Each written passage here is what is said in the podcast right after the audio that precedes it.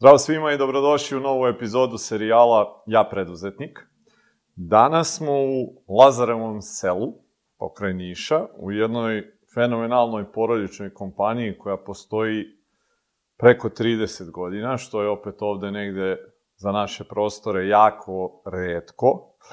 I firma za koju, moram priznati, i ja sam relativno skoro čuo, e, najviše iz razloga što mislim da, da njima ovo tržište Srbije i nije toliko interesantno. Većinu stvari koje su do sad negde radili je bila namenjena za neka strana tržišta, ali onda kad sam imao priliku da upoznam celu porodicu i da dođem ovde i da vidim neke stvari, zaista sam bio impresioniran.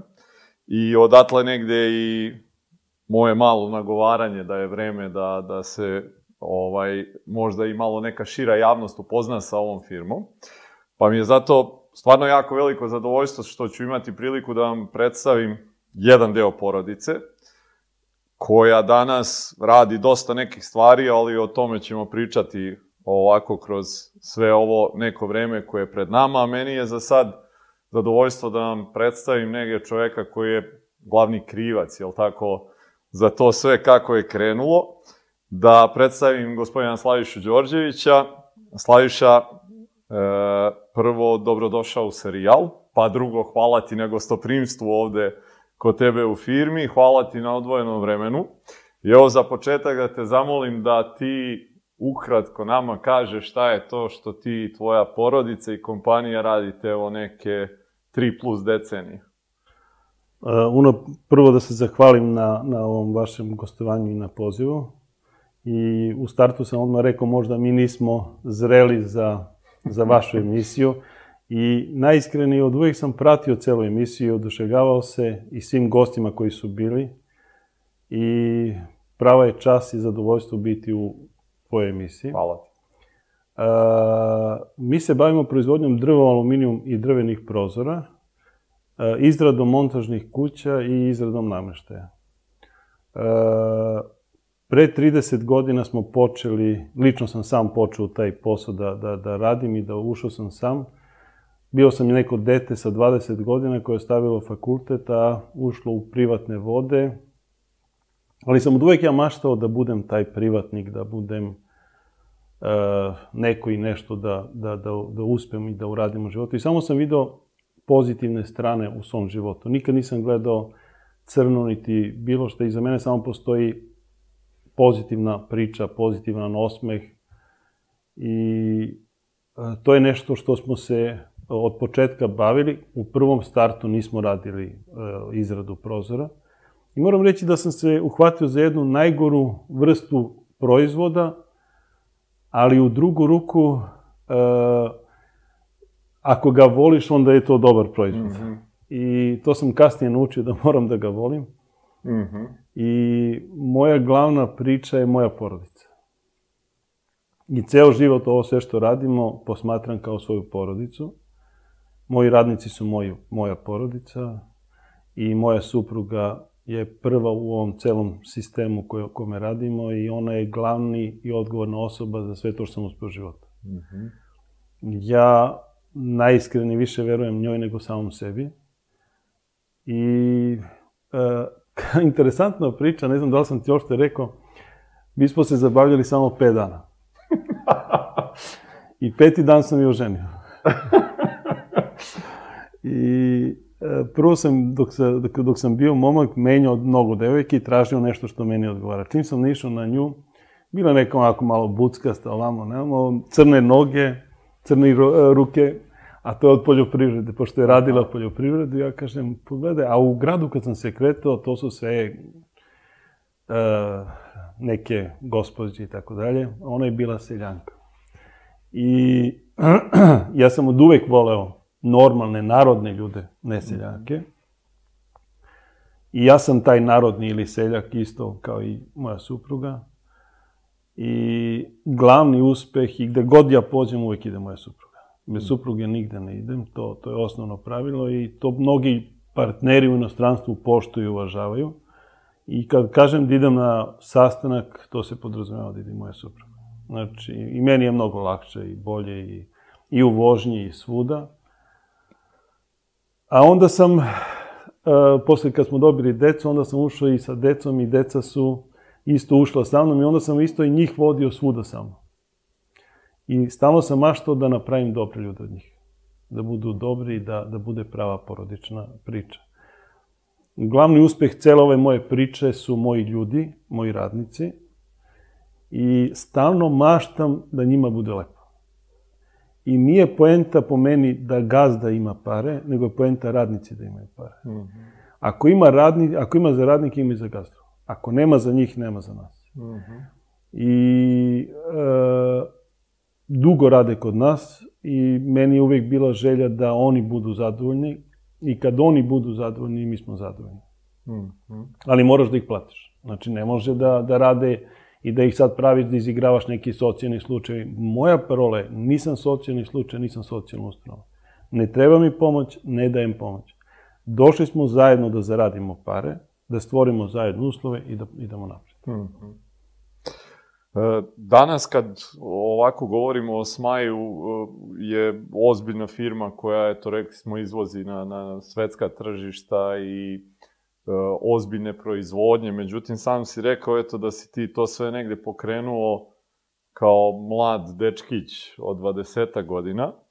Pa prvo me zanima odakle, eto negde, dakle 90-ih u trenutku kad preduzetništvo niti je toliko aktuelno kao danas, niti je to bilo e, nešto uobičajeno. Prvo, dakle, rekao si napuštaš i sam fakultet, Kakva je recimo bila, zanima me, reakcija tvojih roditelja i odakle uopšte taj neki poriv koji si ti imao da kreneš, eto, da kao radiš nešto svoje?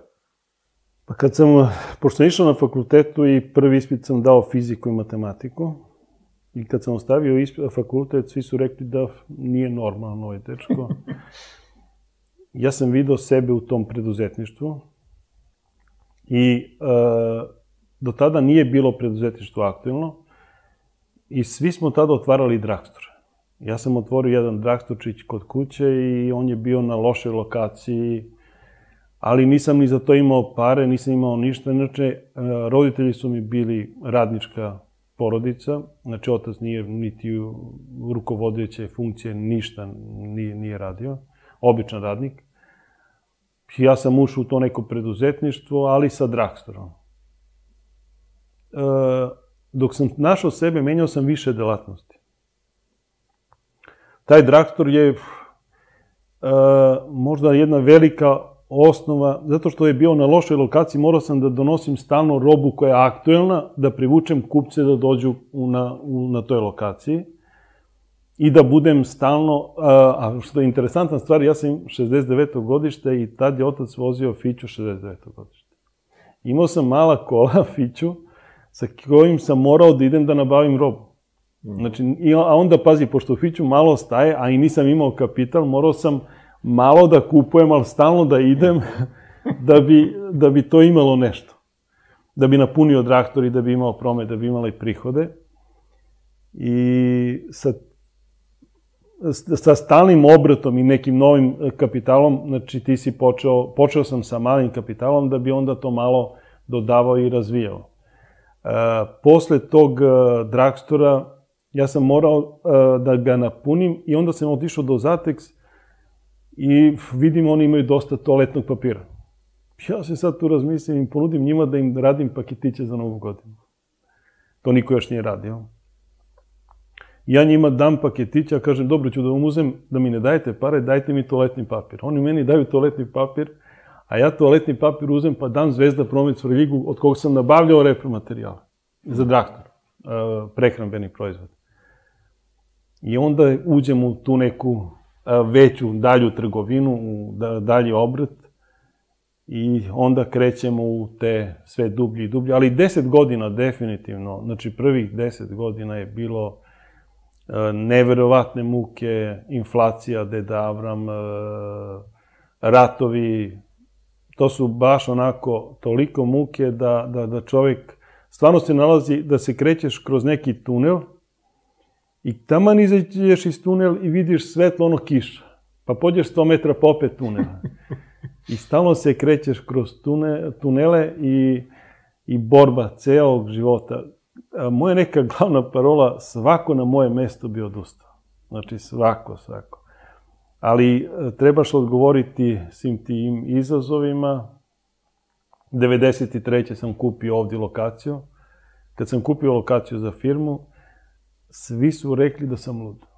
A onda su rekli da sam uh, hrabar i da imam mnogo pare. Pare nisam imao, nisam bio lud, ali sam iskoristio jednu priču da se radio put prema Gađanom Hanu i ja sam omogućio da oni nasipu zemlju na celom placu i kad su nasipali zemlju, ja sam dobio fenomenalnu lokaciju. Znači, ona jeste loša lokacija zato što je bila podložna poplavi blizu je reke, I poplave sam imao ovdje na ovom, ovoj lokaciji najmanje 20 puta. A, a šteta zadnje poplave dve, a, 2000. godine je bila 200.000 eur, maraka ili eura, nije važno, mnogo velika poplava šteta. Od nikog ništa nisam dobio, uvijek sam se smejao, zato što znam da posle te poplave dođe sunce, prođe kiša. I dosta sam bio onako hrabar, to, to je suština, ali glavna poenta u biznisu je donositi brzo odluke. Znači, nema kukanja, nema plakanja, idemo dalje. Oni te gaze, a ti se smeješ, oni te gaze, ti se smeješ. I ovaj moj komši ispod imao poplavu i onda on plače, čupa se za kosu. Ja se smejem na ulicu, a meni poplava sve. Kaže, komši, što se ti smeješ? Rekao, komši, ja se tebi ne smejem. A on kaže, što? Pa ajde, ajde da vidiš da ti pokažem nešto. Ja ga uvedem u firmu i on uđe u firmu i počne da kaže, pa šta će radiš? Kog će tužiš? Pa nikog. Pa šta radiš? Pa evo rekao, noćas i sutra da očistimo, prekstra krećemo. A ovu štetu, idemo dalje. Tako da, niti osiguranje, niti niko, niko nam nikad nije pomogao i uspeli smo svemu, ali nas, zahvaljujući svojim leđima i svojim radom. Znači, da. Šta je tebi e, taj deo sad što si rekao da, da ono svako bi odustao? Šta je tebi bila motivacija i šta je tebe teralo unapred? Ne znam. Znači, ja, ne, ja se ne predajem. Kod mene ne postoji e, poraz. Znači, ne, ne postoji sad neki strah e, odmah sada da ideš dalje. I za mene nema kraj. Znači, e, ušao sam u te priče i te vode. I ono što me najviše gura, to su radnici. Znači, ti imaš obavezu prema radnike, prema svima i ti moraš da ispoštuješ. I druga stvar, kad nekom daš neku reč, moraš da ispoštuješ i da, da, da stvarno to, to uradiš. Ne možeš ti u, u biznisu oću neću. Znači, i ne smeš da donosiš. Znači, moraš da donosiš i, i oštri, i dobri, i svakakve odluke, ali ne smeš da odustaješ. Znači, nema odustajanja. Znači, ušao si u to kolo mm -hmm. i definitivno ono što je interesantno, noću ne spavaš. Tako da, e, i sve odluke donosim ujutru, u 5 sata se probudimo, 4, 5 do 6. Sve što sam uradio, tad sam rešio. Mm -hmm. Znači, tad donosim odluke, tad rešavam probleme, idemo dalje i... Tako da smo se borili ali sam jednu stavno stvar bazirao moju, moje poslovanje, pošto sam ja odmah krenuo u izvoz još 93. Radio sam rezanu građu, rezane trupce. I opet sam bio na lošu lokaciju ovdje koja je dalje od Niša, koja opet na ti treba da ideš u selo, da, da, da, da odeš, da vidiš, da kupiš. Ali me, ja se nisam bazirao za Srbiju. Moja priča je bila bazirana za Evropu. Znači, proizvodnju u Srbiji, plasman u Evropi. I to je od uvek bila neka parola proizvodnja Srbija, plasman u Evropi. Mm -hmm. Jeste surovo, jeste teško, radili smo i Rusiju, nije samo Evropa, ali sam svuda zastupljen, tako da mnogo lakše plivam po svim uh, pozicijama, vrstama prozora, a izlazak u Evropi je bio zahvaljujući Hrvatskoj. Mi smo u, sa suprugom, sa prozorima otišli u u Banja Luku i sad ono, podno posle rata Hrvatska i mi u Banja Luku ulazimo, idemo preko Hrvatske za Banja Luku i na granicu meni se znoje ruke, strah, e, nervoza. Ja kažem, maci, mače, bolje nam je da idemo preko Slavonski brod. Mi izađemo u Slavonski brod preko Bosne. Putovali smo 10 sata. Ma kažem, idemo si preko Hrvatsku, šta god bude. Niti smo ratni zločinci, niti smo nešto radili. I onda nam se javi prvi kupac da traži prozor u Hrvatskoj. Ajde, mi upalimo opet kola, ja i supruga. Odemo gore i uđemo u posao. Znači, i mnogo lakše se barata, pošto je to naš jezik, znači naše mhm. područje, jednaki smo ljudi, isti smo i ušli smo u to tržište i onda se samo širilo, širilo i osvajali smo zemlju po zemlju, korak po korak. I ja sam se uvek ponašao u porodici kao otac. I ponašao sam se u firmi kao otac. Znači, sve svoje radnike sam uvijek zamišljao kao moju decu. Znači, svaki radnik je morao da ima određene beneficije, da ima satisfakcije, što i dan danas stoji, a u drugu ruku moraš da ipak budeš i strog, jer ti trebaš da doneseš oštre odluke, brze odluke, nemaš mesta i vremena da, da se igraš, da čekaš, da... A reci mi u trenutku kad ti kupuješ plac, uh, imaš li uopšte predstavu da ćeš da radiš to sa građom i što uopšte građa kad si već se odlučio za nju? Uh, ja sam prvo počeo sa stovarište građanskog materijala. Uh, pored stovarišta onda sam uh, počeo da, da trgujem i uh, bilo je gred, drvene grede. I onda ja kažem, ajde da barem kupim brentu da počnem da režem grent, uh, grede. Međutim, meni se tu javi neki potražnja da ja počnem da pravim uh, gre, drveni elementi od bukovina da izvozim za Italiju. Hajde da krenem ja za Italiju. Onda kad odem u Italiju, promenim svoje razmišljanje, ja kažem ono, svi smo mi išli u Grčku i iz Grčku uvodili uh, trgovinu, drakstore. A kad odeš u Italiju, kad vidiš proizvodnju na svaki korak proizvodnju, ti onda počneš da razmišljaš o proizvodnji, ne više o trgovini. I zato sam i ušao u trgovinu, u, u proizvodnju, i onda ja uđem da, da režem trupce i krenem u, u proizvodnji. Međutim, ka, do, do, do, do proizvodnje sam došao iz prostog razloga što je čovek došao i kupio drvene prozore i kupio čovek drvene prozore od mene i dosetio se za drveni kapak. Ja od Danilo Boškovića da kupim kapak, oni nemaju. Meni majstori radnici koji su tu radili, kaže, mi će napravimo kapak. Lela, rekao, gde će ga mi napravimo? Oni kažu, ma ja nemam ni mašinu ni jednu. Oni dovezu njihove mašine, oni, uh, kombinirke i sa njihovim mašinama mi napravimo prvi kapak. Kad počnemo od jedan kapak, drve, nije jedan, nego za jednu kuću, počnemo od drveni kapak, onda krenemo to rezanje, pa uh, ulazna vrata, a interesantna stvar da ja sam radio u startu loše prozore. Učio sam zanat, učio sam sve, ali sam učio primarnu preradu drveta, obrada drveta, sušenje i tako dalje i tako dalje i stalno su tu bile muke, muke, muke. I onda sam učio drvo kakvo je, kako se, od čega se sastoji i morao sam onda da, da, da radim.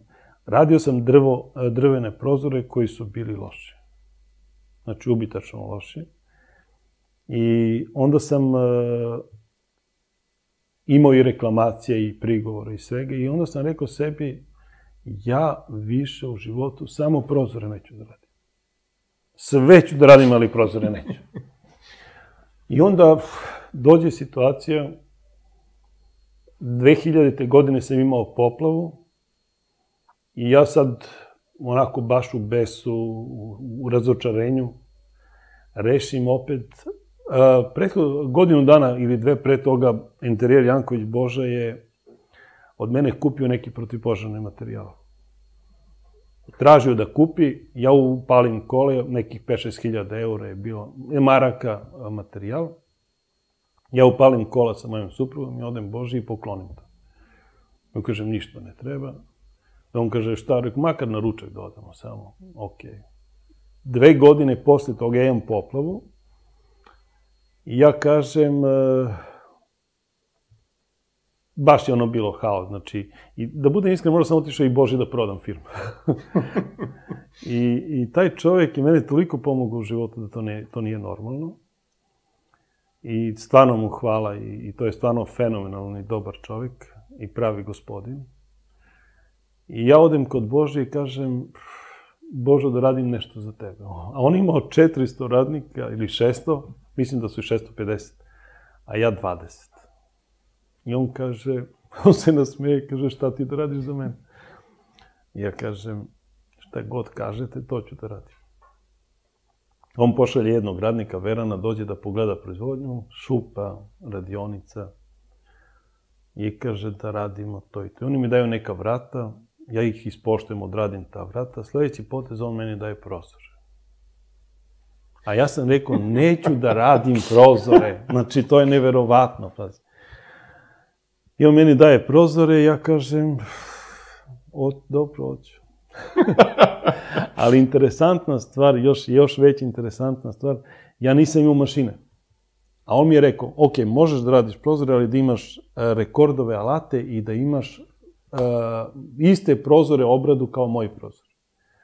Ja kažem, pa ka, kako da radim, mislim, nemam ni, ni opremu, ni alate. Ali nisam, nisam mu ništa rekao ne, nego samo sve, šta on je rekao, ja kažem da. On kaže to, ja kažem da. U tom momentu ja prihvatim da radim prozore i treba da kupim alate i mašinu. Odem na sajam i tamo je bio vlasnik rekorda Mario, koji meni prode alate. Ja bez dinara, dinar, dinar, dinar, poplava, šteta i sve ostalo.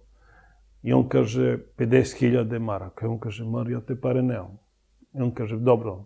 I ja, pazi, razmišljao o 5.000, 10. on kaže, rekao, za koje vreme da platim? Kaže, za godinu dana. On rekao, ne mogu. Za dve ne mogu. I nisam teo da mu kažem ni koliko. Ja ne znam koliko da kažem i on kaže, dobro, ajde, kad možeš? Ja kažem, dobro. I ja sad dogovorim te alate, a on, a mu kaže, no, imam drugi problem. Rekao, nemam mašinu za alate. On se smeje, kaže, eno ga sujeri da kupim od njega mašinu. Rekao, ja iza njega nemam pare. On kaže, ajmo da se dogovaramo. A on se dogovara. A to je bio Vlada Jokić, koji je isto ključna osoba u mom razvoju. I e, pošto vlada zna italijanski, ja ne znam ni jedan jezik, i on je pričao sa Marijom, a Mario je pregovarao sa a, Albertom. I onda i oni pogodi alat i mašinu da mi ovaj da isto na odloženo, bez obećanja, bez roka. Moje reči uvek bila mnogo jaka. Kad kažem da će biti tad, šta god da kažem mora da bude. Znači uvek sam držao se neke date reči. I to je put od kada sam ja krenuo da idem napred. I Bože je stalno pričao, samo nema nigde da pričaš da radiš za mene, da ovo, da ono. I ja sam se trudio da, da, da ne pričam. I ovo sad je stvarno ne, nezahvalno da se ne zahvalim čoveku i da kažem to što jeste. Ali je on tu ključnu ulogu odigrao u mom životu. I tu smo onda počeli da radimo prozore, ali sam onda ja promenio jednu veliku stvar. E, Onda sam rekao, dobro, ok, ja ću da radim prozore, ali prva stvar što moram da radim, moram da ih zavolim. I moram da ono što radim da volim i da, da volim prozore. Ja prozore smatram kao jednu živu osobu, kao jedno ljudsko biće, sa kojim ti vodiš ljubav i posvećuješ veliku pažnju. I onda ta ljubav blista kod svih tih prozora koje radimo i kvalitet koji izbacujemo nas je uspeo da nas podignu u svetu. Ništa ni nismo mi drugo uradili, nego samo tim kvalitetom i rokom i, i obećanjima smo uspeli da se popnemo toliko visoko. Mm -hmm. U tom trenutku, sad pričaš eto na tom sajmu, znači, u principu ti si kupio, je tako, dve mašine? Jednu koje... mašinu, jednu mašinu i alat. I, I alat, koji koštaju poprilično u tom trenutku. 200.000 maraka. 200.000 maraka. U trenutku kad ti nemaš ni dinara i odlučuješ se da, da to sve uzmeš imali u tom trenutku kod tebe neke sumnje u kako ćeš se ti sa svim tim izboriti, da li ćeš nikad, se vratiti? Nikad ja nisam imao sumnje. -hmm. Znači ono što donesem odluku i što uzem da radim i kad god donesem neki novi potez u firmu, znači za mene su sada 200 radnika, uvek je tu odgovor sa njihove strane ne. Prvi odgovor je uvek ne. Mm -hmm. A moj odgovor je da. Moja velika vera i ljubav uvijek pobedi njihovih 200 ne. Tako da, kad donesem tu odluku, normalna stvar, ne donosi se to odluka preko noći i, mm -hmm. i to, to baš onako razmišljaš, e, stalno filozofiraš, ovako praviš analize situacije, posmatraš sve te priče, razmatraš situaciju, gledaš tržište, statistiku i sve to, to radim na, na neki svoj način.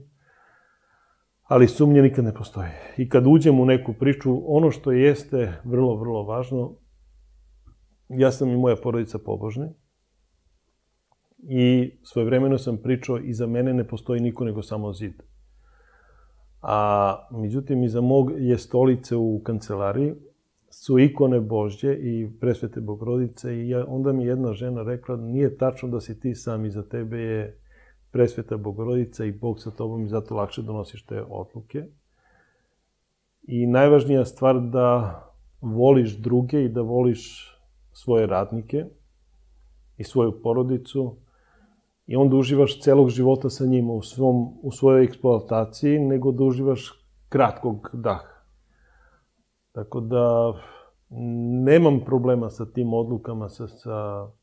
Tom nekom verom u sebe. Ne. Je li to od uvek bilo tako ili je to uvek. negde... Ja sam od uvek, pa, uh, od uvek je bilo to ta, tako i kad sam išao u selo kao dete koje je išlo pešice, ja sam uvijek išao uh, putem i razmišljao e sad će da niđe neki direktor pa će da me poveze u kolima i onda da mi da kaže ovo je dobro dete, dobar radnik, ajde da mu damo posao. Znači uvek sam zamišljao da sa nekim direktorima da, da sarađujem i da Aha. ta želja je uvek postojala i hvala Bogu da mi se pružilo šansa 90. i kad sam primetio tu želju, odmah sam stavio fakultet. Znači, nisam se uopšte dvoumio i išao sve dalje i dalje i pravio prijateljstvo i prijatelje i drugare. Znači, e, ne možeš ti sam u, u životu, ali moraš da praviš bogate prijatelje oko tebe. Ako nemaš bogato društvo, ti si onda siromašan. Tako da...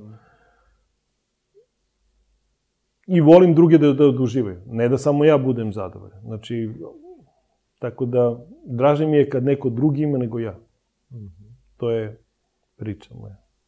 Kad su te mašine stigle, rekao si da je to neka ovaj, uh, odskočna i daska bila za, za vaš dalji uspeh. I, uh, dakle, radili ste za Božu jedno vreme uh, te prozore, je li tako? Kad dolazi do toga da, da sad ta proizvodnja nije više samo za Božu, nego da... Pa ne, ja sam paralelno radio i za druge. Znači, nije samo Boža, ali on je inicijator i pokretač svega toga. Međutim, 2008. 9. 10. godine, ne znam tačno koja godina, ta tehnologija koju smo mi tad imali već zastareva. I možda je 2010. ili 11. Taj isti prijatelj Mario mene zove i moju decu da idemo u Italiju. Možda i 2015. nije važno. I on me nas zove da odemo u Italiju. Ja sam, do 2015. smo išli uzla, uzlaznom putanjom i na kupovali dosta mašine, dobre mašine. Imao sam ne jednog saka, nego četiri. I onda došao i kažem, e, ovdje je kraj. Ja više nemam šta da, da razvijam, mi smo postigli vrh. Mene Mario zove, kaže, izašla neka nova linija, da dođeš, ja ću da organizujem da odemo u te tri firme. Oni samo noću rade, danju ne rade, kriju celu tehnologiju, a on ih je snabdevao sa alatima. I kaže, ja kao tehničko lice mogu da uđem u sve proizvodnje. Ja kažem, ajde ću da dođem, što da ne dođem u Italiju. I on organizuje na tri mesta, tri proizvodnje da vidimo nove tehnologije. Ja kad sam vidio tu novu tehnologiju, kako radi, to je digitalizacija, savremena tehnologija, nove oprema, nove mašine, novi alati, sve to što sam imao morao sam da bacim. Ja kad odem sa Marija vidim da ovo tek igra bez granice, da je tek sad nova epoha. Ja kažem Mariju, rekao, ovo nemam, nemam šta da pričam. Međutim, tad smo već bili jači, ojačali. Mm -hmm. I tu ulazimo sa kupovinom te jedne mašine od miliona eura za obradu drveta. Tehnologija mašine su koštale 1000, 2000, 5, 10 ili, ili 150.000, a ova mašina je bila milion. Jedna. I Mario meni pokaže. A onda, pored te milion, uh, softver košta 150.000, alat još 500, mnogo, mnogo para. Ja kažem, ok, a idemo sad napred. I to je isto bio veliki, veliki hrabar potez i, i, i pokretač. Ali što je najgora stvar, nije samo mašina. Nama je trebalo godinu dana da savladamo program, da radimo na tim mašinama. Znači, treba ljude obučiti, naučiti.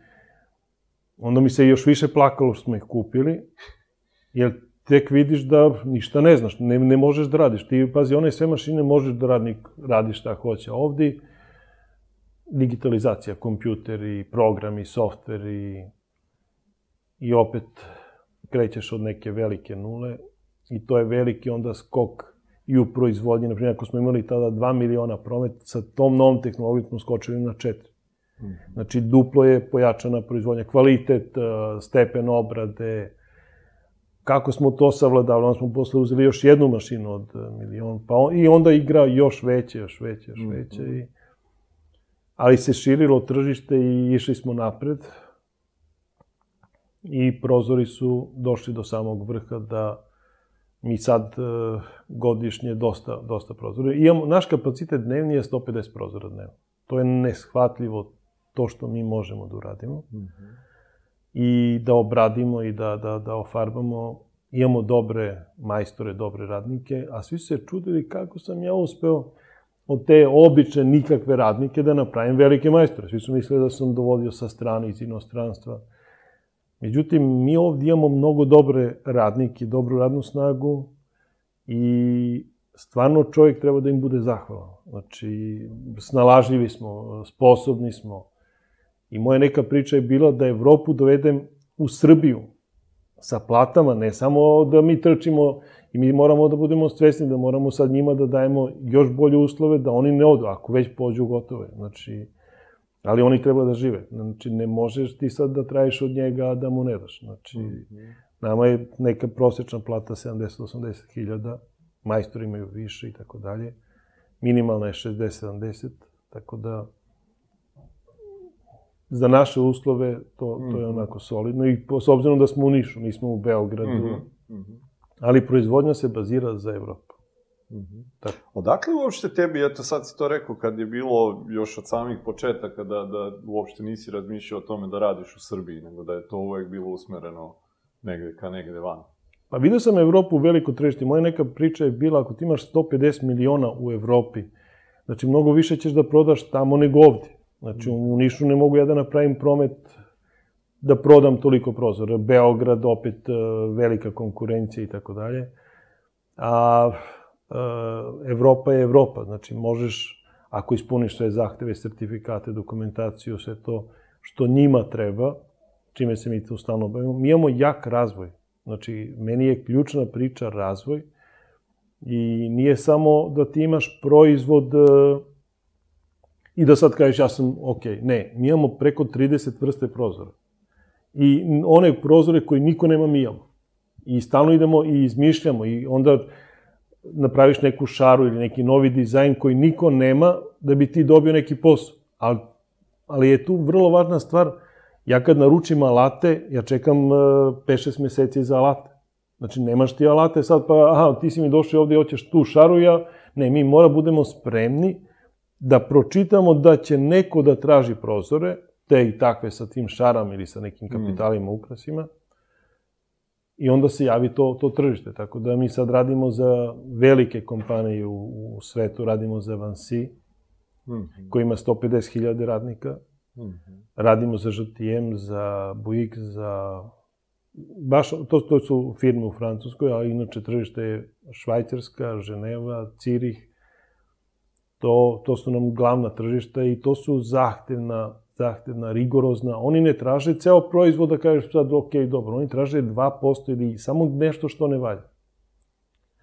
I kad kaže nešto, i to je odmah haos, znači, ali že, a, željni smo da učimo i da idemo napred, da, da, da, da se ne predajemo, ali moramo da napravimo bolji proizvod, a jeftiniji od njihovih cena. Ali smo opet jači od naših cena. Znači, nismo mi sad e, niži ovdi, nismo u, u rangu e, srpskih firmi, ali smo u rangu evropskih cena, ali opet od njih duplo niži. Mm -hmm. I onda imamo zagarantovano tržište, tako da... Koliko je sad u tom trenutku prvog nekog izlaska, rekao si, ok, Hrvatska je prvo negde tržište gde ste ovaj krenuli da radite, ali koliko je bilo teško, eto i ti si rekao da ne, ono, nisi govorio jezike nikakve, ništa, da u tom trenutku iz Srbije, koja izlazi iz 90-ih, iz svog tog nekog imidža koji mi imamo, uopšte dobiti nekog klijenta, ne znam, u Švajcarskoj ili Francuskoj ili bilo gde u tim zemljama sa svim tim teretom koji negde dolazi sa tobom ni krivim ni dužnim?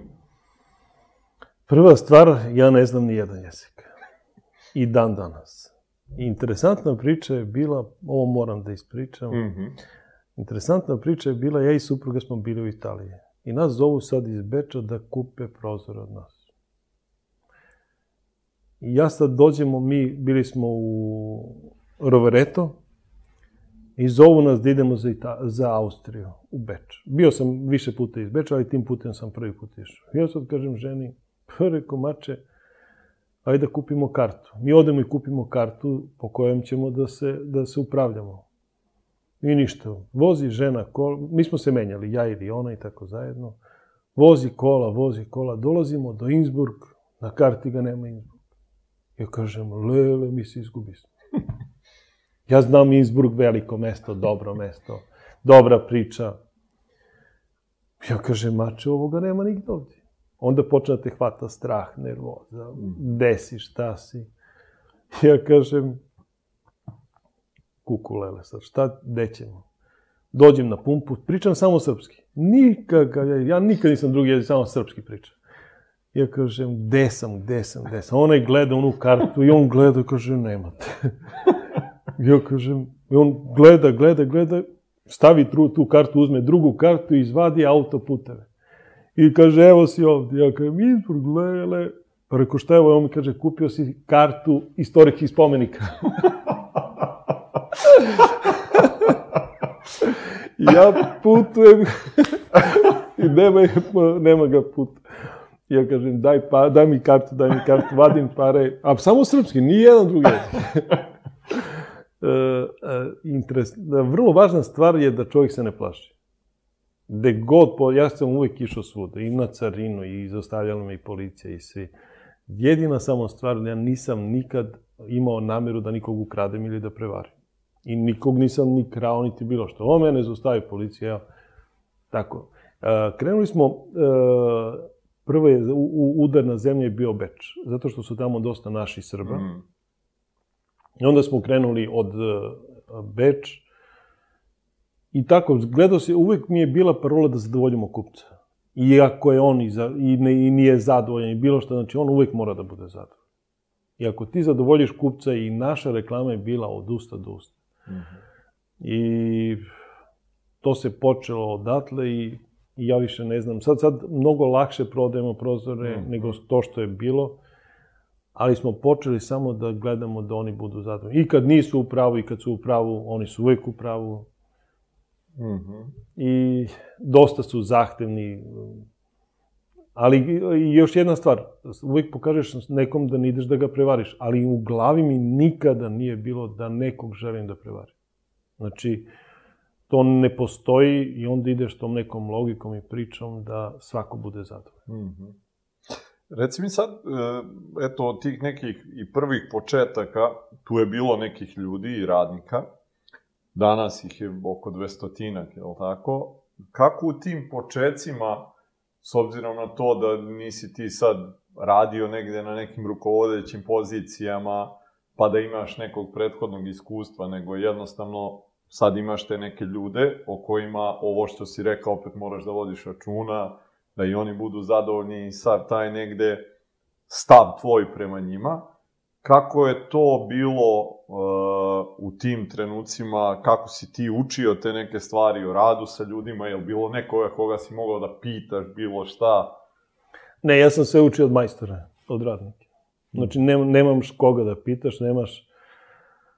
Uh, I sad dok si mi ovo postavljao pitanja, znači jedna tema je bila, meni majstori dođu, uh, uh, napraviti prozor trebalo je, znači, on, to se zvalo rajsperovanje. On uzme jednu letvu i nacrta prozor i rajsperuje prozor. Znači, ja sam morao sve sa njih, od njih da učim i da budem sa njima stalno u proizvodnji.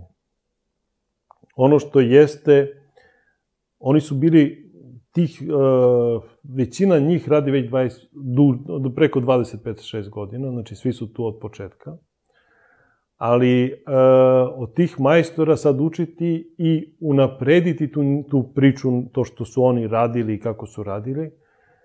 I imao sam jednu glavnu priču da u proizvodnji sam uveo sistem svako svako kontroliše. Ako ne iđem u toku kontrole i kod kog nađem da nešto ne valja, to kažnjavam. I onda su oni svi bili kontrolori. Znači, nema jedan, nego svako, svako kontroliše i onda smo ta neka kontrola...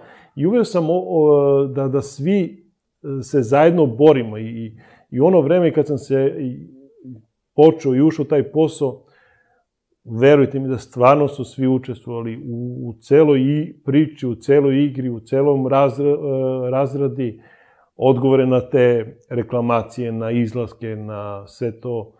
Ja ne, ne mogu niko da ih kontrolišem kad odu u Beču, da ugrađuju prozore, da, da bilo šta. Znači, morao je da postoji jedno veliko poverenje.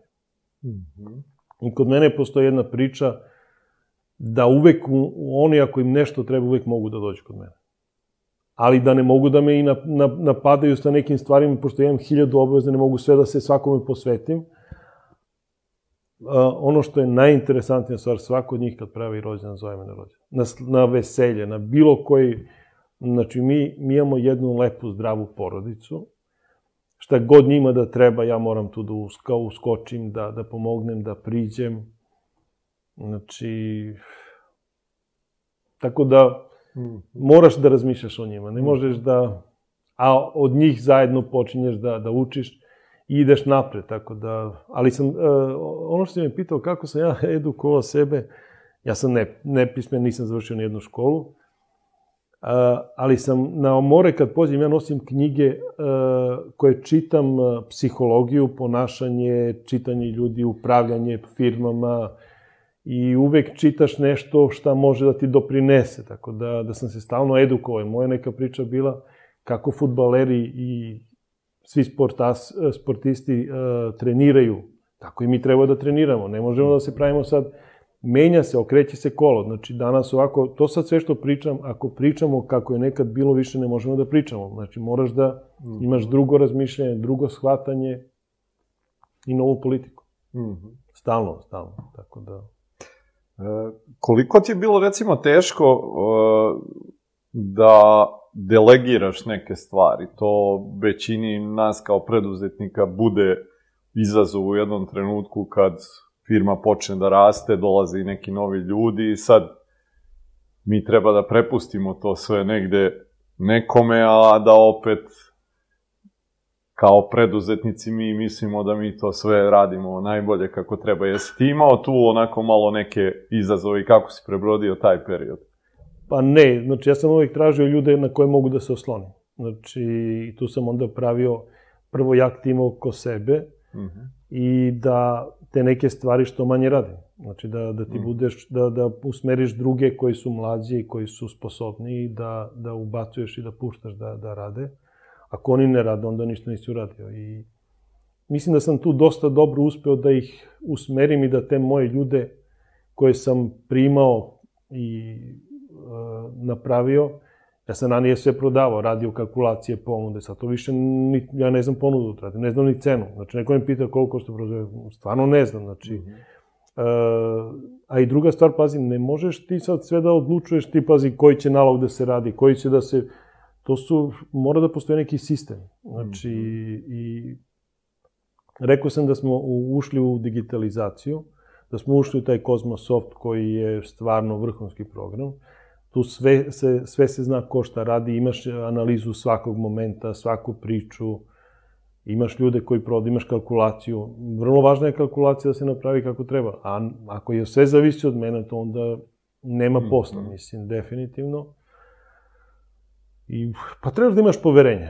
Mislim, i da u, u tri poteza vidiš neku situaciju i onda da prepustaš druge da, da rade, a opet da vučeš konce da idemo napred, da, da, da se ide. Tako da nisam imao problema i imam dobar, dobar tim po svim tačkama, ali gledaš da opet i oni budu zadovoljni. Šta ti je bilo važno kod tih ljudi kad si ih birao za tim? Šta si gledao? Da su pametniji od mene. Znači, nikako pazi da traješ neku budalu. To je, u, u, mislim, u političkim firmama svi traže nekog manje pametnog da bude pored njega. Meni je važnije da je pametniji od mene. Ne da sad ja, pazi, sam uvek ja najpametniji. To nije dobro. Znači, trebaš da imaš pametne ljude i, i, i ako hoćemo da promenimo ovu zemlju, mi mora da tražimo pametne ljude, a ne da tražimo nesposobne ljude koji će da vode zemlju. Mm -hmm. I firmu, ne pričam sad da politički mm -hmm. ni slučajno, nego i u mojoj firmi treba mi pametni ljudi, ne sad neko ko je, pazi, s kim ću ja da se iživljavam ili da, da, pokazujem moje znanje. Meni to uopšte nije potrebno da ja kažem da sam pametan i da ja sad sve znam. Ja sam uvek želim da čujem njihovo mišljenje, imam svoju odluku, a onda posle samo presečeš ako treba, ali i oni donose odluke gde mene uopšte ne pitaju. I glupo je bilo da za svake stvari sad ti budeš odgovoran, to Mm. Napravili smo neki sistem koji ipak mora da se radi uh, po nekom sistemu i uh, ja mislim lično da onaj sistem što je bio u staroj Jugoslaviji, uh, kako je radila nekad elektronska, da taj sistem treba da se vrati. Znači, taj sistem, a onda se javilo posle rata kad je ovaj rasvad bio i tu su onda druge vladavine. I ja sam imao i neke učitelje koji su pravili elektronsku, Mirko i Časlav, koji su me učili kako se radi, kako se pravi crteži, kako... Kad su oni meni pričali da ja treba da za svaki proizvod napravim crteže, ja sam rekao, ovi bre, nisu normalni. Gde ću ja da zaposlim arhitektu, mislim. A onda sve što su oni pričali, ja sam to morao da uradim. Mm -hmm. Samo je pitanje kad ćeš da ga uradiš. Da li ćeš to pred uradiš ili ćeš to kasnije da uradiš. Ako radiš to kasnije, ti si budala, ti trebaš da plaćaš nešto ovako što ranije nešto uradiš, to je lakše za tebe. Mm -hmm. Tako da meni delegiranje, ali ono druga situacija što je vrlo važno, onda sam to delegiranje prebacio na svoje sinove. Tako mm -hmm. da sad trenutno firmu i direktor je Jovan i on upravlja sa svojom firmom, sa Smaj Produkt. Smaj znači Slaviša, Marina, Aleksandar Jovan. A Aleksandar je otvorio svoju firmu Ardeline koja se bavi proizvodnjom montažnih kuća. Mm -hmm. I ja sam za moju decu, Aleksandru, u osmi razred, da kad bi ga pitao šta bi bio u životu, on bi bio arhitekt. A to sam odradio na vrlo mudru priču. U osmi razred sam ja kupio najskuplji računar u kući. Ja kupim najskuplji računar i onda kažem, ok, imate računar, ali imamo neko novo pravilo, nema upotrebe računara. I oni, ok. i imaju računar. Onda ja posle prođe neko mesec dana, ja kažem, dobro, setio sam se, ajde da vas pustim da, crta, da, da radite na računaru, ali uslov je da vi crtate kuće. Da se igrate u SketchUp. Znači, pravio sam od njih da oni upravljaju računarom, a ne računar da upravlja njima. I oni dan danas niko ne koristi igrice, ne radimo igrice. Mislim, to je neshvatljivo da I ja sam od njih, od malih nogu, ali sam ih vodio svuda sa mnom. I kad smo išli po, po bilo kojoj zemlji ili e, bilo kom delu, ja sam pričao, uh, ne idemo sad neki grad, ja kažem, dobro, šta se ovdje pravi? Šta se pravi u Kruševac? Onda kažemo 14. oktobar, mašine, to, to, to. I onda je njima ceo put bio uzbudljiv, mm -hmm. kao na slovo na slovo, šta sad ovdje, šta ovdje, mm -hmm. i oni, i na, naterao sam ih da na, kad pođu na put, da onda naprave analizu da ispitaju sve. Tu se pravi to, to, to, jer ja ih to ispitujem. I onda i interesantno nam dođe da mi sad zajedno se igramo, a opet uh, nešto bude poučno. I nisam im dao... Imali su sve, a nisu bili uh, toliko zauzeti. Mm. E, koliko godina ti imaš kada postaješ otac? 24. Mm -hmm. Koliko te to promenilo u tom nekom smislu i što se uopšte i posla tiče i možda nekog i pritiska i odgovornosti koju osjećaš? Pa ja sam ovako, znači kad sam ušao u privatan biznis, imao jednu poslovicu. Pošto sam počeo od ništa, morao sam nešto da dam da bi uspeo u životu ti moraš da daš. Ja nisam imao ništa u životu. I onda sam rekao dajem celog sebe. A onda sam rekao drugu stavku, pazi, ako dajem sad celog sebe, onda moram da budem sve ispunjen. Da imam ženu, da imam decu i da to bude zdrava porodica, da se ja ne nerviram. Da budem posvećen svom poslu. Kad sam našao suprugu, peti dan sam se, kao što sam rekao, ženio, I prvo što smo pokušali, odmah sam teo da napravimo decu. Mi nismo mogli da imamo od te velike želje dve godine decu. I to me onako baš pogađalo, mučilo, mučilo. I kad smo dobili prvi put Aleksandra, bio sam presrećan i onda sam bio kompletno ispunjen. Mm -hmm. Kad si ti kompletno ispunjen i nemaš nikakvih problema, ti možeš da radiš šta hoćeš. Možeš da obaraš svako brdo, da, da, da ideš, da prođeš svaki zid i, i da rušiš sve što treba. Mnogo je važna porodica i važno za poslovanje, za bilo šta, da ti imaš mir u kući, da imaš zdravu porodicu i to, to je po meni najvažnija stavka.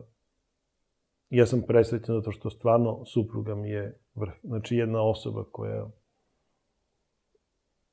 ne, ne znam, za mene ne postoji bolja. Mm. Kratko, ja. Mm -hmm. E, reci mi, kako su i deca, posle Aleksandra je došao i Jovan, šta su te neke stvari koje si kroz vaspitanje e, i njihovo odrastanje pokušavao da im preneseš kao neke životne lekcije i neke vrednosti koje si se trudio da usadiš u njih? Kod mene je bila priča rad, red i disciplina. Za moju decu su svi pričali da ja ne volim svoju decu i da sam mnogo strog i bezobrazan.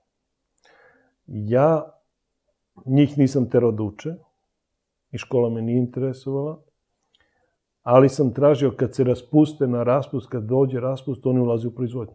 I oni šmirgli. Znači, morali su da uđu u proizvodnju da šmirgli. Kratko i jasno. I to su bila dva, e, dve različite osobe.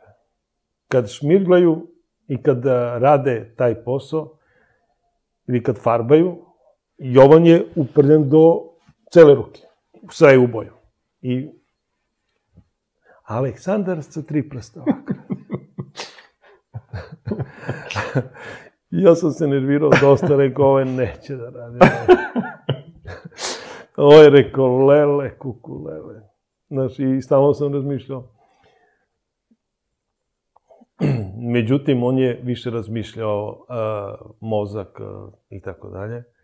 Kad smo pošli za u 16 godina Jovan polaže za kola, ja u Beču, i nije išao sa mnom za Beč. I ja sad namerno smislim jednu priču, rekao, je da ga naučim da prođe na granicu. Ja njemu u 16 godina kažem, e, Jole, si položio? Jesam, dobro, super, mi smo u Beču, koliko imaš pare u džepu? Kaže, 20 evra. U, super. Ili maraka, nije važno. Rekao, dobro, ajde uđi u autobus i dođi do Beča. I on dođe do Beča. Samo rekao, nauči se da prođeš granicu. normalna stvar, 16 godine, njega izvedu iz autobus, matretiranje. Rekao, mora se potrudiš da, da, da ih ubediš da, da je istina. I on prođe, i to su sve neki, e, neke muke na koje sam ih stavljao da mora da se prilagode e, sistemu. A onda kako je Aleksandar, na primjer, kad je završio, e, on je bio ekonomista, i kad je završio ekonomiju, on me upisao arhitekturu. I nije završio. Eh, ali je bio najbolji u projektovanje, crtanje sve desetke. I kad je Aleksandar na, uh, polagao te ispite i svuda se borio sam, ja sam ih u 18 godina isterao iz kuće. Znači, kupio stan i kupio novi Audi A3. I on ode u školu i krije vozilo da ga ne vide razredni profesori da on vozi nova kola, a oni voze stara kola. I on je krio kola od svih da, ga, da, da ih ne ponizi. A išao je u školu e, vozilom. I on njima je bilo teško. Kažem, ok, morate da vozite, da, da se naučite da, da baratate, da ne u, ponižavate nikoga, a opet vi da uživate, a to sam naučio iz Hrvatske. E, radimo mi u Hrvatskoj prozori, ja kupim ni šest ni pet novog jugića. 45. I sad ja odem u, u, u Zagrebu, prodajem po, prozore, ni šest ni pet, Dario Srna, onaj futbaler, uh mhm. -huh. i njegov otac Uzeir Srna, i mi tu ugovaramo neke cifre, 50-100 hiljada. Ozbiljan je posao bio. I majstori dolaze da uzmu mere, a oni sa Jugića. Le, le, kad se tu pazi, oni došli sa Jugića, mi igraju u kolima. Uh, znaš, stali smo u Zagrebu i svi došli da vide Jugića. I svi se čude, pazi. Ja propao u zemlju. Znaš šta ti uzimaš neke priče, pregovaraš 100.000, mm. a voziš jug, pazi. Mm. I onda je, pazi, prema uh, vrsti prozora moraš da se obučeš kako treba, proizvoda, ne prozora. Mm -hmm. Moraš da se obučeš kako treba, a moraš da imaš određeno vozilo. Ali ne vozilo zbog uh, Nišlije ili zbog ovdje sad komšija, nego zbog mesta gde se nalaziš. Jer ako ti dobijaš neku sumu 50.000 evra, a dođeš sa juga od 5.000 evra, mm -hmm. i onda sam iz tih razloga gurao njih da odmah budu neko i nešto, da se pojave, da, da znače. I stvarno, to sam radio iz jednog drugog razloga, što sam kroz mom, moje poslovanje teško bio do, prihvatan od sredine da sam ja nešto uspeo u životu. Znači, šta god sam uradio, svi su pričali, a ko ti to dao, a što si ti dobio? Mm. Niko nije rekao da sam ja znao nešto, da sam pametan, nego da ko mi nešto, kad smo dobili neku nagradu na sajmu u Beogradu, i oni svi, ma kako si dobio, ko ti dao, ko ti završio, sve si nešto dobio, niko nije rekao da znao, bre, mm. nego... I mnogo su nas teško prihvatali. No te pogađalo to? Pa to uvijek boli, to boli i niko ne kaže da, da ti znaš ili, ili neko stoji iza tebe ili si našao zlato mm -hmm. ili nikako. To je bilo do 20-25 godina je to bilo trajalo, dok posle sad su već napokon prihvatili da ipak mi nešto znamo. Tako da, to mnogo boli, mislim. Šta misliš ti, zbog čega generalno ovde u, u, u našoj sredini ljudi reaguju tako? Pa nisam ništa razmišljao o njima, što tako, jednostavno prihvatiš tu priču. Zašto to misle? I, eto, imam i na to odgovor. znači, to su mahom ljudi koji su imali zaleđenu svojih roditelja, gde roditelji ih nisu puštali da nešto urade. A onda ti isti ljudi koji ništa nisu uradili u životu, izdržavali su ih svoji roditelji oni su došli na to mesto da sad oni treba da donose neku odluku ili da izdržavaju svoju decu. Ja sam šokiran kad čujem mnogi od njih kažu, jednog prijatelja imam u Beču, on se sad raduje, že, čerka mu je hostesa ili... Ja gledam, reko, ne mogu da verujem. Znači, ali on gleda da, pošto ne, on ne zna da je usmeri, da je izdržava, da je pomogne, jer bio je vezan za roditelje, On gleda što pre da je udalje od sebe, da, da, da je usmeri, da nek ide u inostranstvo, nek ide bilo gde, ne zna da ih uputi. I onda svi traže, isto i za nas, znači, što kad on nema, a ja imam, i kad on sad nešto malo više ja imam od njega, to je onda već -hmm. gubitak. I ali moja neka priča je bila, ja sam uvijek radovo kad imam pametnije pored sebe i kad imaš bogate pored sebe. Jer ti ako uzmeš od bogatog nešto i koske da glođaš pa će da bude meso. Hm. Ali ako glođaš od nekog ko nema, nema ni za tebe. Mm -hmm. Reci mi taj deo, ovaj, eto rekao si da obojica kad su napunili 18 pod znacima navoda izbacio si ih iz kuće. To je i dalje nešto što ovde nije neka običajena praksa. Odakle tebi taj neki ono input da na taj način vaspitavaš? Pa dobro, ja kažem da sam se od 93. vezao za inostranstvo. Mm. I moje svo razmišljanje je bilo po inostranstvu.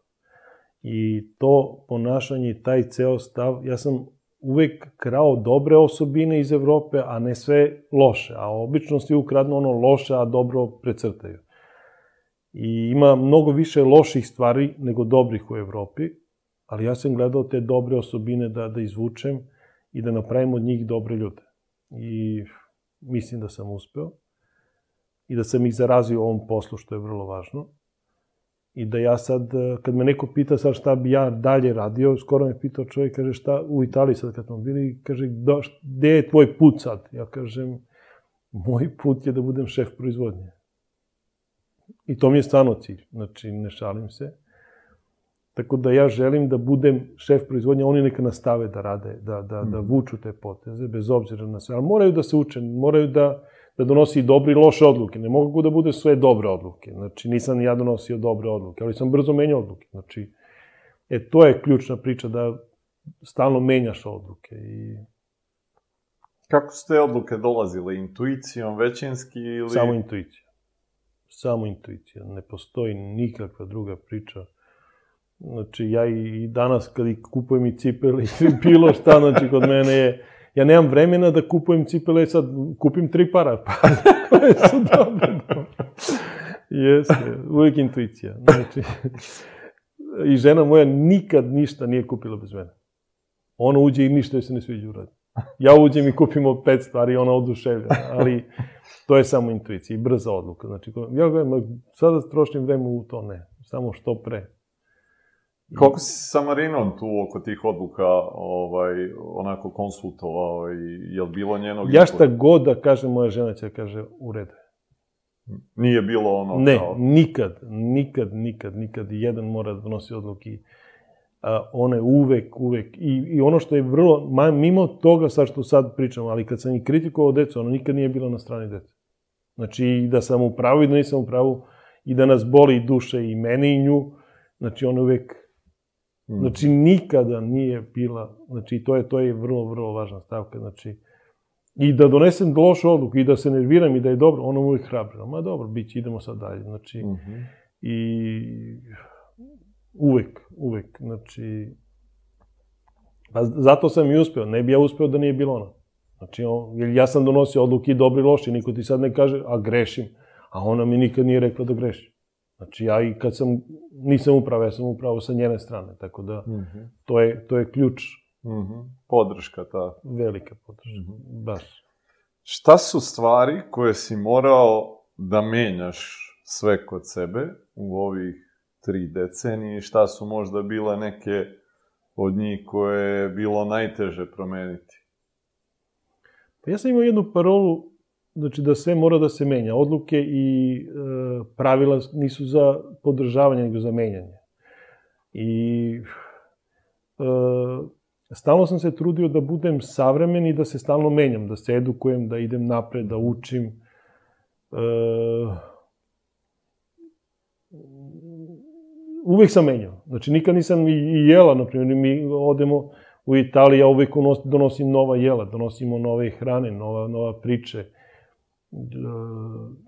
Kod mene uvek je novo, znači nikako svaki dan mora da se menjaš, znači ja ne znam, i odeću i bilo šta ti uvek se menjaš, ne, ne, ne ostaješ na istu priču, tako da mnogo sam se promenio, mislim, u svakom smislu i promenio i A i, i, i vreme i sistem te tera da se menjaš. Ne možeš ti da kažeš ja sam sad toliko uspeo i to. To nije tačno, mislim. Mnogo lakše se pada nego što se penjaš. Tako da moraš da pratiš, da čitaš, da, da vidiš.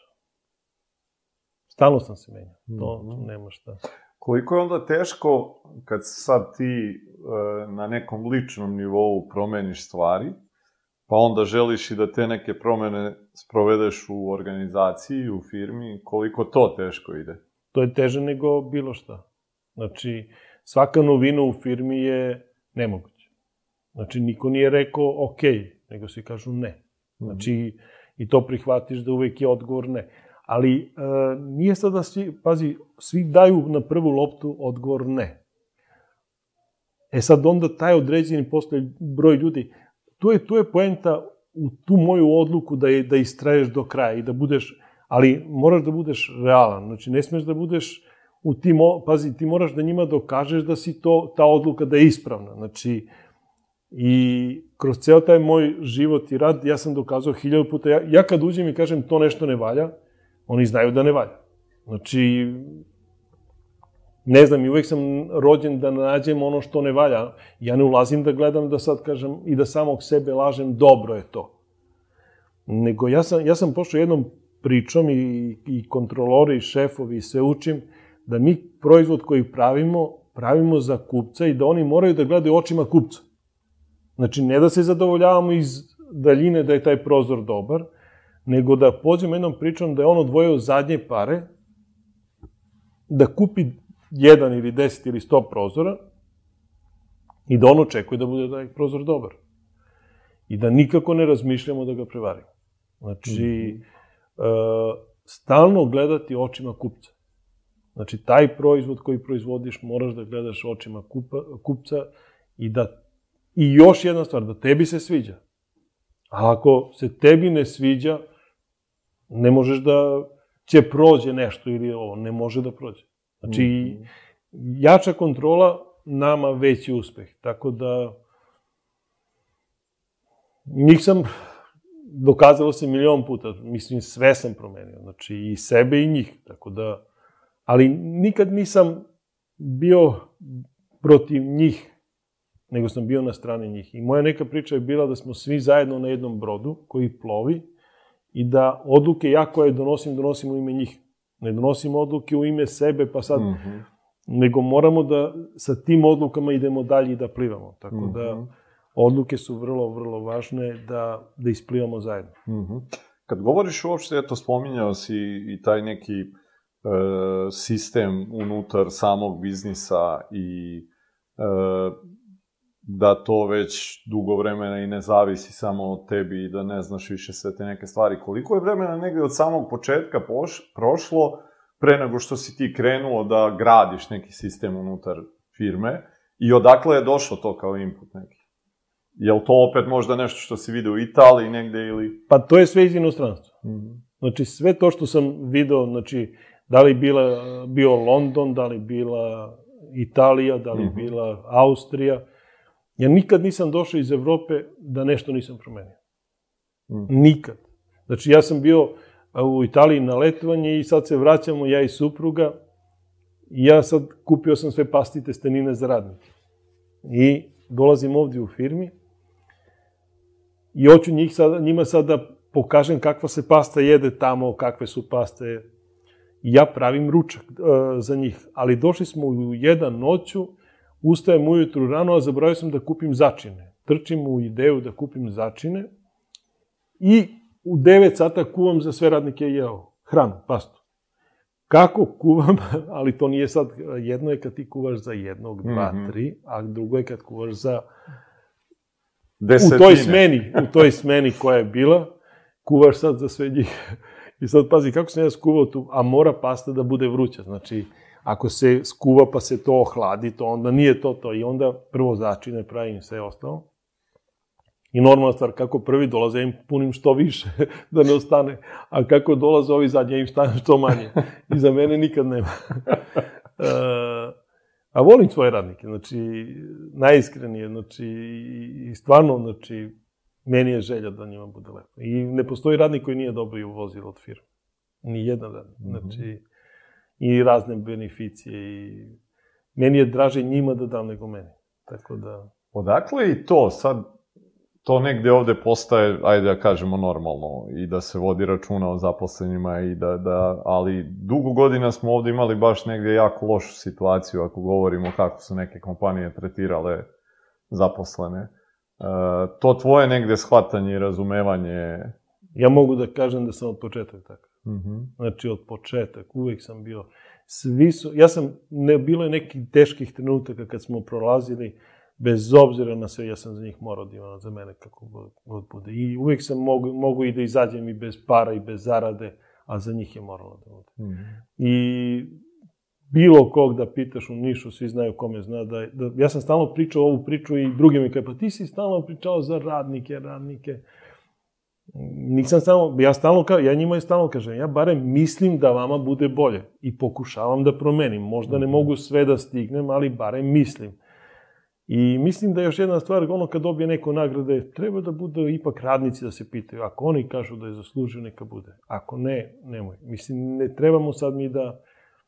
Tako da, kažem, ja ne mogu da zamislim rođendan ili proslavu bez radnike. Znači, svi moram da pozovem sa porodicama, sa... Nije važno, ali meni su oni sve, kratko i jasno. Tako da, nije ovo sad nikako pričalo, stvarno, znači to -hmm. ne, ne postoji. I onda imam jednu, jedan sistem sam uvio isto u firmi iz komercijale, da jednom nedelj, u mesec dana, neko od njih sprema jelo od radnika. I onda spremamo je, hranu i ona kuvaju i, i tu se više družimo onako, da bude nekako malo povezano, da, da, da imamo A mora svi da, da, da, da uživamo, mislim. Mm -hmm. To, to je od uvijek bilo.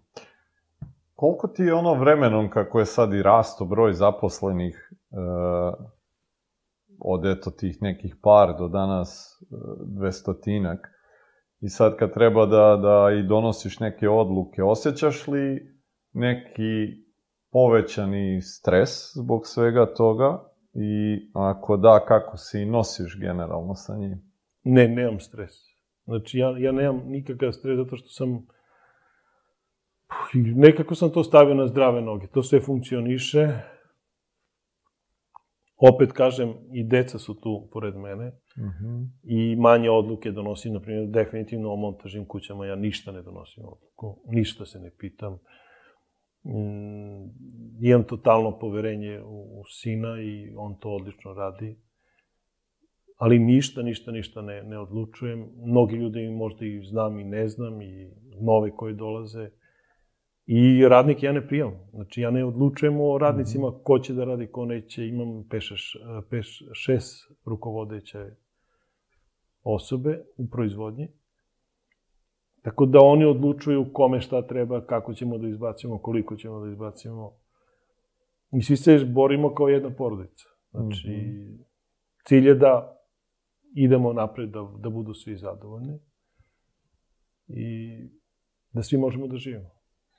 Za Aleksandra i Jovana si spominjao da su oni u tim nekim školskim danima na raspustu morali da šmirglaju, da farbaju. E sad, kako su malo odrastali, e, šta su bile neke druge stvari koje si im onako polako poveravao u firmi? Pa ne, ja sam ih vuku u upravljanje, upravljanje firmom. Znači, Uh, što se tiče Smaja, sad Jovan sve ugovara poslo. Ja više ne, niti, ja sam mesečno prolazio 100.000 km. Ja mesečno godišnje, godišnje, pardon, godišnje 100.000 km. Sad ne pređem 20. Mm. Sad više ja ne idem nigde na ugovaranje poslova. Sve to sad preuzeo Jovan po pitanje prozora, Aleksandar po pitanje kuća.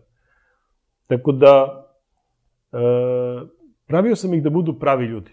Da, da razumeju svakog ali da ono što učine drugom njima da se desi. To je neka priča. Da, da ipak osete da, a da opet budu onako normalni i da uh, sad mi manje, ja trenutno, konkretno za mene, ja manje donosim odluke, manje, ali sam tu sa njima da, da upravljamo, da, da se dogovaramo. Uh, oni ne žive sa, sa nama, a non stop smo zajedno. Znači, juče smo išli da kupujemo neke stvari, Aleksandar uvijek po sa nama, znači, sna, imamo odličnu snajku, znači, da je, to, to je lepota. Imam e, dve unuke. I onda, ne, nekako smo svi zajedno, a, a odvojeno. Mm -hmm. I e, ta ideja vezano za te ovaj kuće, Je li to došlo negde od uh, Aleksandra ili je to možda bila negde i tvoja neka zamisa o moja, širenju moja, posla? Moja, moja i Jovanova, pošto smo ja i Jovan bili zajedno po Italiji levo-desno mm -hmm. i radili smo prozore za firmu koja se bavi montažnim kućama. Aleksandar je dosta crtao i dosta radio te montažne, ne montažne kuće, nego građevinske objekte i za arhitekturu uvek smo pitali Aleksandra za raspored, za namešta i to je on uvek odlučivao. Uh, I onda smo mi radili za njih i radili smo za Marles i tako dalje, radimo i sad za te e, firme. I onda smo mogli da uđemo direktno u proizvodnju, da vidimo svaku stavku, svaku priču. I kad smo rešili da radimo taj posao, mi smo se dogovorili sa Aleksandrom da on ode u Marles. E kako da uđe u Marles? Rekao, sine, imamo sad to, neku isporuku prozora, ti ćeš sad da budeš vozač. I on uzme kombi i vozi prozore sa kombi i kad uđe tamo u Marles, onda njemu sve dozvoljavaju da vidi, da pikne, mm -hmm. da vidi, da, da, pro, da vidi šta je dobro, šta je loše. I mi smo napravili tu proizvodnju interesantno i bolje od svih drugih zato što smo videli te neke stvari. A onda sam gore, pre nego što je ušao u montažne kuće, ja sam ga uvezao sa tim iz Evrope ljudima, da je on njima crtao projekte za stambene objekte. I naučio je sve standarde kakvi su standardi u Evropi, za gra, grubu gradnju i za sve ostalo. Mi smo 2019. godine napravili montažnu kuću koja je dobila glavnu nagradu u Švajcarskoj za najbolji izvedeni objekat. Znači, sve objekte koje radimo i mesta gde radimo, to su velike, velike kompanije.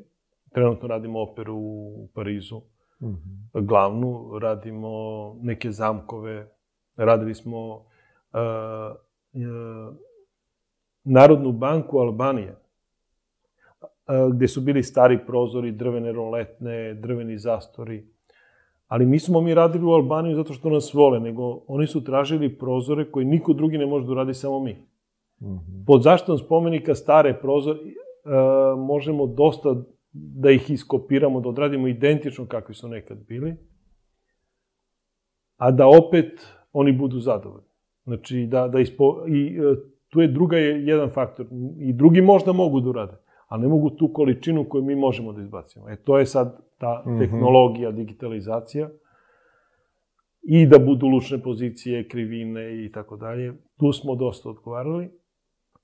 Tako da je Aleksandar prvo naučio standarde Evrope, ušao u mm, e, Marles, iskopirao tehnologiju, videli smo u Italiji i drugim nekim proizvodnjama i izvukli smo samo najbolje i napravili dobru priču.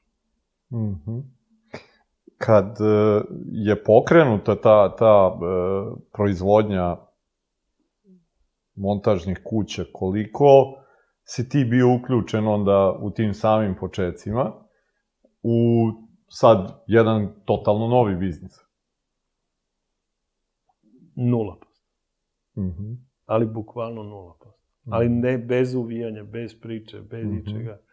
Aleksandar je sve sam radi moja je bila ideja sa Jovanom da, da krenemo. Trebao sam sad da učim nove materijale. Te ovaj materijal, te onaj materijal.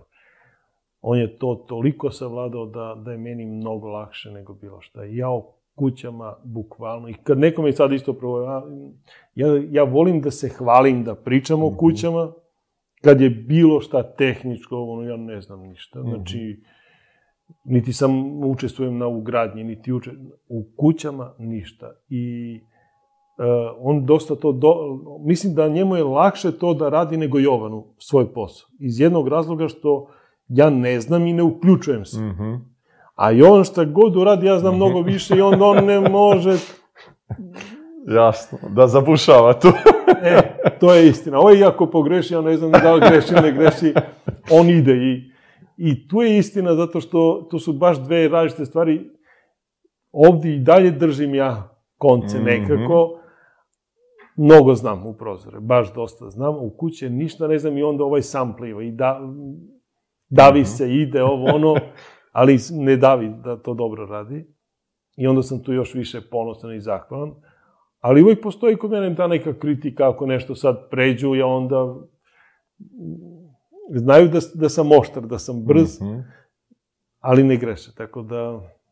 Koliko te često pitaju onako za Sta, neke Stalno me pitaju, stalno. Znači, tu, tu nema priče i, i imamo neku priču da mi stalno razgovaramo. Znači, mi smo non stop zajedno, nikako i ne postoji neka svađa, ljutnja, ne, mhm. ne. Iako se ja naljutim, iako nisam pravo, oni znaju, znaju da moraju da ćute i da, da su krivi. Tako da, ali ja, ja, ja imam jednu osobinu da neću da kažem da sam kriv ili da nisam u pravu. A oni znaju da su da nisu u pravu. Tako da treba. Tak bismo, mislim. To, Jel bude nekad porodično okupljanje da se ne priča o poslu? Teško. Nikad.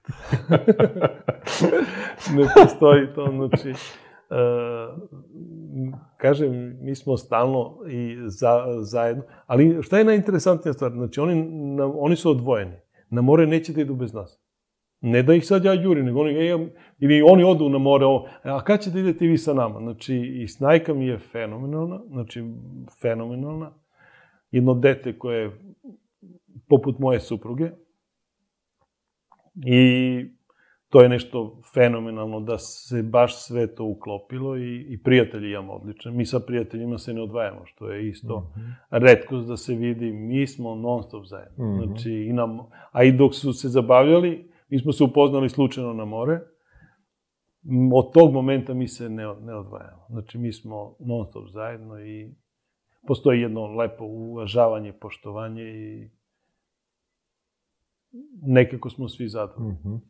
Jesi imao uopšte neku sliku i predstavu da će to nešto što si pokrenuo 90. izgledati ovako? Ne, nikako. Znači, to, to, mnogo smo daleko otišli da bi sad bio realan, da kažem, e, da sam se baš tome nadao. Ne. Znači, nadao sam se nečemu, mm -hmm. ali mnogo, mnogo manje i mnogo, mnogo niše. Mm -hmm. Ovo je baš otišlo tako visoko i daleko. Mi imamo proizvodnju da ne postoji u staroj Jugoslaviji. Ne, nema takva proizvodnja. I radimo objekte koje niko ne može da radi uspeli smo dosta i mi smo sad trenutno, znači da svi kopiraju nas, da pokušavaju da uđu. Dosta smo savladali, ne kažem da ne mogu da nas iskopiraju ili da se ostalo, ali mnogo smo uložili ljubav, rad i trud i savladali sa radnicima, tako da sve se zasniva na te radnike. Mm -hmm. e, kako vidiš sad možda neku, ajde, bližu budućnost kompanije za nekih 5 do 10 godina imaš i neku ti svoju viziju, kako to... Pa ja, ja ne vidim kraj, ja ne vidim da, da tu treba sad čovjek da stane i da, da kažem, i ja sam se sad pre mesec dana vratio iz Italije, ne znam dokle sve, tek treba da idem, znači uzeli smo neke nove linije za farbanje i mi nemamo kraj. Jedina stvar šta mi je žao, baš onako se osjećaš žalosno, bili smo u toj nekoj firmi, I kad čuješ da cela Evropa, da Bugarska, Rumunija imaju 70, Slovenija, 70% subvencije, znači imaju 70%, 60-70% subvencije da kupe neku mašinu. I ti ako imaš neku mašinu od milion evra, dobiješ 700.000, a 300 ti trebaš da uložiš, to je... Mm -hmm. A oni još i teh 300 na, na, na filuju to što imaju uh, uređenje dvorišta, levo, desno i dobio je bukvalno džabe. A kad bi mi imali tu neku mogućnost, ja ne znam, mi Srbi smo željni da idemo napred. Mi bi, mi bi osvojili ceo svet. Samo kad bi nam se dala malo mogućnost od te Evrope, mislim, dosta imaju e, subvencije u Evropi i, i to je neka moja želja da, da mi imamo, mi bi onda sve mnogo brže izgradili nego bilo šta. Mhm. Kad bi imali pomoć ovako, nemamo nikakvu mhm. pomoć. To je priča. Kako vidiš neku svoju ulogu u narednim godinama? I u porodici i u biznisu. Pa kao što sam rekao, ja bih volao da budem šef proizvodnje. da se stacioniram u jedno mesto i da budem sa, sa decom opet tu, a da oni idu napred da donose odluke. I mislim da to, to je stvarno ključna priča. Ne možeš da ih, ako ih ne pustimo da, da idu napred, ne može da idu napred. Znači, mi samo ćemo da isputavamo. A to nije pravo, pravo rešenje. Znači, mora da greše, mora da... Ali, kod mene se to videlo, na primjer, kod Jovana. Dok je on bio, znači, ja sam sve pričao, on je tu glavni, glavni, Međutim, u jednom momentu ja kažem, Jovano, danas ti direktor, ti plaćaš, ti mene sad zovu, ne znam ja pare, nemam veze sa ništa. I onda sam ga na neki način stvarno obavezao da on da sve nosi, donosi odluke on. Znači, onda ti tek počinješ pravilno da razmišljaš i sa kim ćeš da se družiš i s kim ćeš da budeš i kako ćeš da budeš. I, i mi smo grešili. Nisu mi bili svi idealni kupci, mislim. Mm -hmm. Tako da moraju. Šta ti je kad sad već govoriš o tim greškama? Šta ti je možda najveća greška u profesionalnoj karijeri? Ja sam ih imao mnogo. Ja ne znam više... ja nikad se nisam razmišljao o greškama.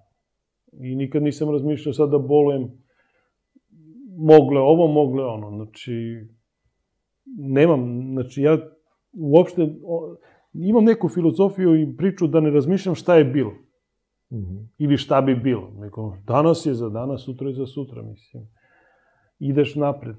Mm -hmm. ne, I ne vidim ni, ni jednu baš toliko ni grešku, barem za sad nisam, možda sam imao, najvjerojatnije da, ali nisam razmišljao sad E, Pa mislim da tu ljudi mnogo i greše, ono, znaš, pazi, pogrešio nešto i on sad stalno priča o nekim greškama.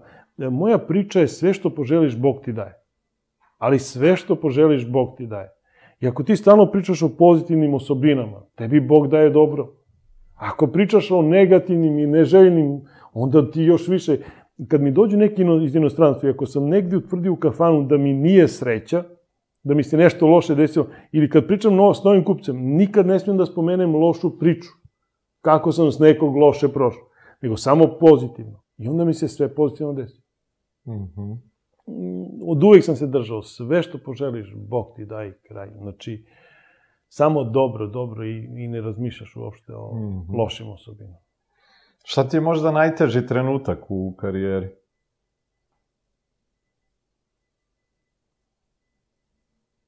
I to nemam. Nemam, ja sam uvek, pazite, kod mene kad nazove svako na telefon, svako kojem zove uvek kažem odlično sam. Znači, uvek sam nasmejan, uvek pozitivan. I svi kažu, što te ne pozovemo, samo da se čujemo, da, da, ja ne znam negativno, ne mogu negativno da razmišljam, ne postoji mm, teško, mislim, uvek ono postoji teško kad mi je majka umrla, to su neki drugi Mhm. momenti, ali opet smo vezani da mi ne možemo mnogo da bolujemo, da razmišljamo, da moraš sve da posvetiš, da pomažeš svima. Normalna stvar, znači, uvek može ovako, može onako, ali i trebaš da znaš koliko su ti želje i kolika ti je granica i da budeš zadovoljan sve ono što imaš. Jer pazi, možeš da imaš i, i grđe. Znači, Mhm. a mogu si još grđe i da prođeš, tako da... Mhm. Šta bi bili tvoji možda neki saveti, eto, za neke ljude koji sad e, razmišljaju ili su možda krenuli u neke svoje preduzetničke poduhvate? Izgurao si evo preko tri decenije ovaj, u preduzetništvu i ako bi trebalo onako da daš neke generalne savete, šta bi oni bili? Ako poredim moje neko razmišljanje i razmišljanje, ono, e, moje poslovanje kad sam počeo i njihovo sadašnje poslovanje, deluje isto. Ja kad sam počeo da radim privatno, moji roditelji nisu znali da rade privatno. Uopšte ništa. A oni sad definitivno, ko bi ušao u neki privatan biznis, mora da uđe u neke računare, u softvere, u programe i sve ostalo. To je budućnost. To je budućnost. To, od toga sad svi zavisimo i svi se mi upravljamo pod starim danima u tu priču, digitalizaciju. I oni su sad isto u toj priči da više znaju od nas i kako da uđu u posao i kako i gde da uđu, gde mi sad ne možemo da protumačimo. To je za nas misalna imenica kako se upravljati tim softverima, igricama e, e, programima.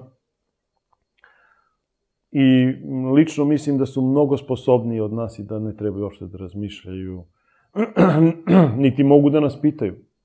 Ja kad sam pitao oca stalno šta da uradim, on kaže, ama ja ne znam kako da ti kažem kad ti bolje znaš od mene. E, to je ista priča i za njih, oni bolje znaju od nas. I moraju da krenu da uđu. Meni je žao što ne postoji fakultet, što ne postoji škola koja će da uči nas privatnike kako da radimo. I to je najgora stvar, sve se zasniva na privatnom biznisu, na, na privatnom delu, a nema škola za to. Znači, ne, ne postoji. Ti ako gledaš naše profesore, oni su samo teoretičari, praksa ne postoji. Mm. I kako onda ta deca da uče, od kog da uče? I ovo vaša emisija je stvarno prava stvar. I meni stalno motivaciju daju vaše emisije, e, knjige poput vaših emisija, da ja isto, meni, meni treba neka energija uvek da, da uđe, da, da, da, da, da te podstakne, da ti kreneš da radiš još jače. Mhm. E to su te emisije gde sad prvi put i, i najiskrenije, ako sam nešto prihvatio, stvarno, ja ne želim ni da se reklamiram, niti volim da se reklamiram, niti mi treba Srbija, ne radim Srbiju. Mhm. Ali mi je ovo nameno samo zbog te mlade dece da mogu da uđu u tu neki novi posao, da se mnogo ne razmišljaju, da donose brzo odluke, da idu napred, da gaze sve što treba, sve muke i probleme, a ne da sad razmišljaju o tim mukama i problemama. Pa ono svi imamo, znači, Mhm. ali ako ne razmišljaš, nemaš ih, ako razmišljaš, imaš ih. Mhm. To je priča, mislim. Mhm. spominjao si sad, i to jeste negde e, razlog zbog čega mi sve ovo radimo, što radimo upravo da te neke stvari i lekcije koje je ta neka prva generacija preduzetnika koje mi imamo, kojoj i ti pripadaš i lupala glavom u zid i nije imala koga da pite i učila na teži način, upravo da, da možemo sad ta neka znanja njima da damo, da oni ne moraju sve to negde da ponavljaju te neke greške. E sad zanima me da imaš ti priliku da se vratiš možda u tu 90-u, da sa svim što znaš danas, tom Slaviši možda kratko daš neke savete, šta bi mu rekao? Kad je bila kriza 90 i inflacija kad je bila, ja nisam znao da odem u banku da uzmem kredit. E, mi smo tada šticovali u SDK i radili sve što, kako se ko snašao. I da sam znao to neko poslovanje, nisam znao. Ja sam se zadovoljavao sa neki manji deo i uh, uvek sam znao da kad osvojim neki vrh da stanem. Uh, možda sam tada da, da, da sam imao neko iskustvo, da sam imao neku priču lakše pregurao. Možda ali ni, ništa nisam ni pogrešio i sve me to je jačalo i taj dragstor i, i, i sva ta priča i skromnost. Znači, e, ceo ovaj naš sistem i naša priča se zasniva na jednoj drugoj priči da postoje dva vuka, dobar i loš vuk. To ću da kažem da postoji dobar i loš lider. I, e, i jedan i drugi vuk su uspešni u celom poslu. Ali dobar e, vuk je skroman, i ne želi da se ističe, ne želi da se dokazuje. A loš vuk se dokazuje i on se uvek čuje. I kad se čuje stalno loš vuk, a dobar se ne čuje, onda vlada loš vuk. I za ovu krizu i ovu sve celu situaciju smo mi krivi, do, da kažem ako sam ja dobar, da smo mi krivi zato što se manje čujemo od loših, jer onih 80% neutralnih se priključuju ili dobrim ili lošim. Oni se priključuju lošim i mi onda ocenjujemo celu sredinu da je loša. A u stvari su krivi dobri što se ne čuju. E, uvek ti možeš da promeniš i ovako i onako i stvarno smo dosta prošli i videli, ali smo, to što smo prošli, menjali kasnije kroz taj deo i, i ne vredi uopšte pričati šta sam ja nekad bio, šta bi bilo kad bi bilo ja o tome ne razmišljam. Mm -hmm. Znači, nemam da sad nešto, barem za sad, i kažu kad počne da pričaš o starim danima, ti onda stariš. ja sam još mlad. ok, Slaviša, hvala ti puno za evo, ovih nekih sat i po o razgovora gde smo pokušali tu nekih preko tri decenije iskustva da, da prenesemo te neke ključne lekcije koje si ti za to vreme naučio na teži način. Hvala ti i na gostoprinstvu, hvala ti na odvojenom vremenu, hvala ti generalno što i Srbiju predstavljate na jedan pravi način, jer siguran sam da eto sve te neke velike firme koje si spominjao, koji su vaši klijenti, nas znaju po dobru, ne po tim nekim lošim ovaj, stvarima koje su dugo onako vezivane za našu zemlju. Želim i tebi i porodici da nastavite u ovom smeru i da dođeš na to mesto, eto, šefa proizvodnje u nekim narednim danima. da će Bog. E, hvala i vama na, na ovom razgovoru. Da tu smo da dalje saradimo. Mhm. -huh. Sad ćemo da čujemo i Aleksandra, vraćamo se uskoro da čujemo i drugu generaciju. Vidimo se. Thank you.